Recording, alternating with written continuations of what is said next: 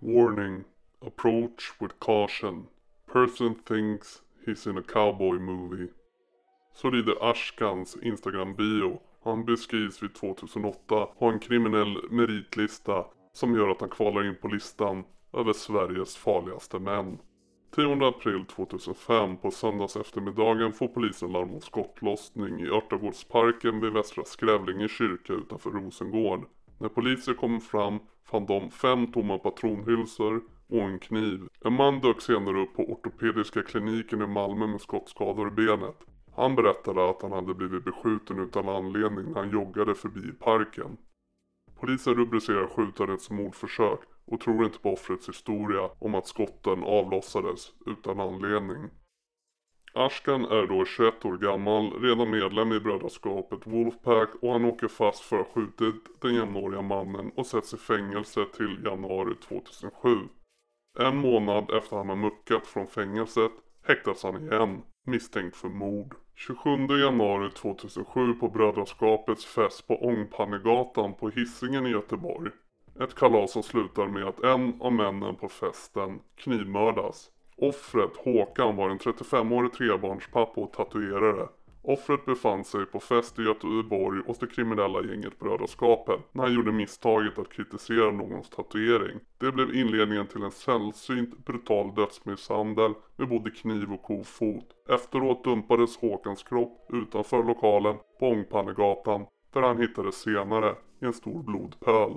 Två män dömdes i tingsrätten för mordet på Håkan till vardera 10 års fängelse. Den ene för att ha hållit i kofoten som slogs mot Håkans huvud. Den andra för att ha hållit i den kniv som Håkan stacks med. Mannen som höll i kofoten överlämnades till rättspsykiatrisk vård. Ashkan som från början erkände att han höll i kniven blev dömd i tingsrätten och fick 10 år för vad som ansågs vara mord. Ashkan överklagade till hovrätten och efter förhandlingen i hovrätten släpptes han dock och Askan friades helt av hovrätten. Natten till 19 juli 2007 kastar 23-årige Ashkan ut från klubben Etage på Stortorget i Malmö tillsammans med en annan man runt tvåtiden. Vid 03.30-tiden kom förövarna körande på en moped, båda svartklädda och med svarta hjälmar. En är beväpnad med ett automatvapen och skjuter minst tre skott mot nattklubben. En vakt befann sig utanför entrén, men han blev inte träffad.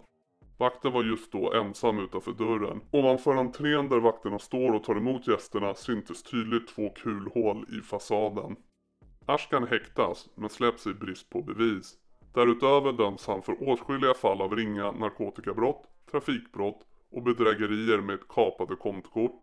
Han döms för krogslagsmål och för innehav av en k-pist, hagelbössa, stubintråd och tändhattar. Han är då bara 23 år gammal.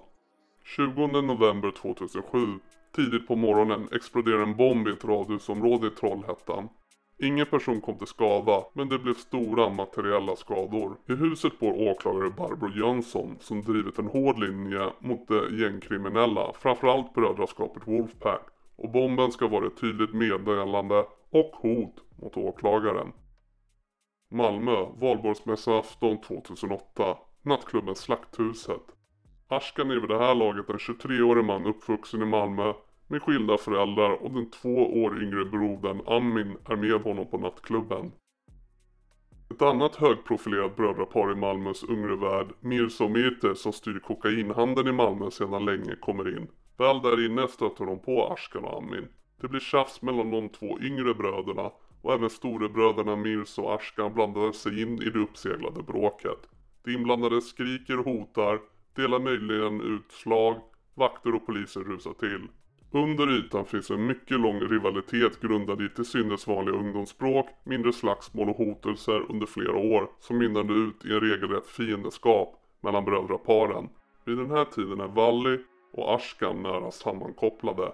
Valli är ledaren för den så kallade K-falangen i Malmö, misstänks ha försett Ashkan med vapen vid ett tidigare tillfälle och flera uppgifter säger att Ashkan är Wallis muskler. Sju veckor efter bråket på Valborg blir Valli skjuten av en väntande skytt som tömmer ett helt pistolmagasin mot honom. Valli genomborras av minst sju skott men överlever attacken. 23 augusti 2008. På Ashkans 24 födelsedag märker han att en motorcykel cirkulerar utanför hans lägenhet på Agnesfridsvägen. Han lämnar stället ihop med flickvännen. Strax därefter kastar någon en handgranat upp mot hans fönster. En handgranat som nära på tog livet av en äldre kvinnlig granne då granaten briserade vid fasaden nära hennes lägenhet. 28 augusti 2008 utbryter skottlossning på Söderkulla efter två bilar jagat varandra som ett vittne säger. Någon bränner av minst 10 skott mot en bil full av M-falangens män. Ingen träffas men två kulor går bland annat in i en närliggande vårdcentral. Åren efter skytten slutar med en uppbränd bil och beskjutna vittnen som säger till polisen att de inte har sett något. Ashkan är skytten. De två brödraparen i M och K-falangen pekas av polis ut som ledare. Men nyckelpersoner i gängkriget då och under kommande år är det tredje brödraparet, Ashkan och Amin. Ashkans lillebror Amin sticker inte ut bland Malmös kriminella. När kriget bryter ut 2008 visar rättshandlingar på en man med depressioner, knarkmissbruk och som flera gånger åkt fast för bedrägerier med kapade kontokort. Under vintern 2008 åker Ashkan i K-falangen fast för att troligtvis på uppdrag av brödraskapet ha placerat bomben vid åklagarens hem i Trollhättan. På fri fot är Ashkans lillebror Amin. Mitt under den brinnande konflikten skaffar han sig en andrahandslägenhet i fiendeland, Söderkulla Lindängen. På kvällen den 14 augusti 2009 styr Mirtes från M-falangen till bensinmacken i korsningen Munkhättegatan Berguvsgatan. På trottoaren står en ensam man med en pistol, Amin. Han får ögonkontakt med Mirtes som stannar i sin bil och rullar troligen ner passagerarrutan fram. Det går inte säkert att säga om männen pratar med varandra. Amin skjuter flera kulor mot Mirtes. De träffar axeln och huvudet. Bilen hoppar fram och stannar.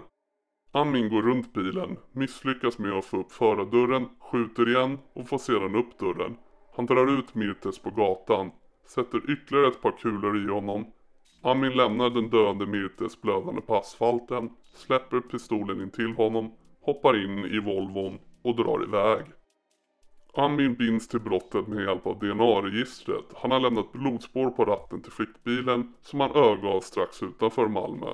Blodet kan komma från skador på vänsterhanden, från när han sköt eller från hans försök att få upp dörren med den krossade rutan. Av någon anledning erkänner Amin vid ett av de första förhören genom att rita en skiss över hur han agerade. Men i övrigt håller han tyst. Inga kommentarer är svaret under månader av förhörsförsök.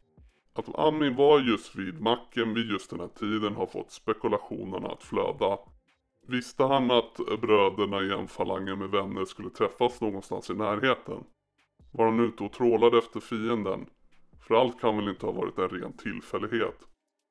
Under rättegången skrattar Amin vid flera tillfällen vilket inte tas väl från offrets nära och anhöriga och kaos utbryter i rättssalen.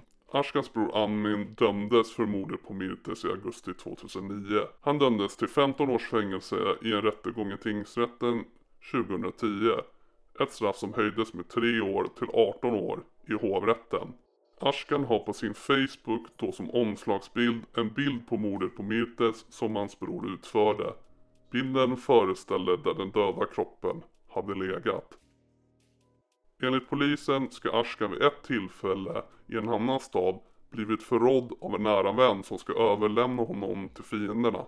Han ska då fastbunden vid en stol slängt sig ut från balkongen för att komma undan, tagit sig fri och samtidigt svurit hem och att han snart kommer tillbaka. Han lever vid tillfället med en miljon kronor på sitt huvud. 8 april 2014 Ashkan bodde under ny identitet i slutet av april 2014 i Umeå. Stora delar av åren dessförinnan hade han spenderat i fängelse dömd för bland annat ett bombattentat mot åklagare Barbro Jönsson i Trollhättan 2007. Den 28 april 2014 träffar Ashkan en före detta till sin dåvarande flickvän. Bråk uppstår och det slutar med att Ashkan hugger den andra mannen med en kniv. Ashkan häktas och misstänks för försök till mord men frias av en tingsrätt som gör bedömningen att han har agerat i självförsvar. Den 16 juni släpps Ashkan från häktet. Därefter återvänder han till Malmöområdet. Under 2014 blev en 22-årig man svårt skottskadad. Klockan 22.13 på måndagskvällen fick polisen larm om att det skulle ägt rum en skottlossning vid en korsning i Landskrona. Polispatruller skickades till platsen där de anträffade en skottskadad man liggandes på en gräsmatta. I samband med en mindre narkotikatransaktion, hash 5 gram, blev en 22-årig man på Stenorsvägen i Landskrona skjuten med flera skott, bland annat i magen. Mannen fördes med svåra skador till lasarettet i Lund. Han får allvarliga skador men överlever attacken. Skytten är Ashkan och han är mycket i Landskrona vid den tiden då hans dåvarande flickvän bor där. 15 augusti 2014. Ashkan utsätts för ett mordförsök på motorvägen mellan Lund och Malmö. Vid tillfället körde han en silverfärgad bil som hittades övergiven och sönderskjuten på vägen. Vid attacken användes två vapen. Ett hittades i ett vattendrag i Östergötland men det andra vapnet har använts vid ytterligare ett rad skjutningar. Ashkan överlever attacken.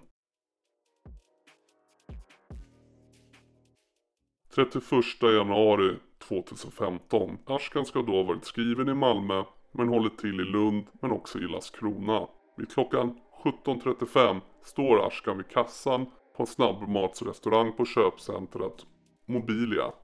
På övervakningsfilmen från restaurangen syns hur två mörkt klädda män kommer in genom en dörr bakom honom. Männen öppnar eld och avlossar flera skott mot Ashkan som bär skottsäker väst. På filmen ses vittnen som förfärat reser sig och springer mot en dörr samtidigt som Ashkan träffas av flera skott. Han springer ut genom en sidodörr mot parkeringsplatsen utanför. De beväpnade männen springer efter och avlossar flera skott mot honom.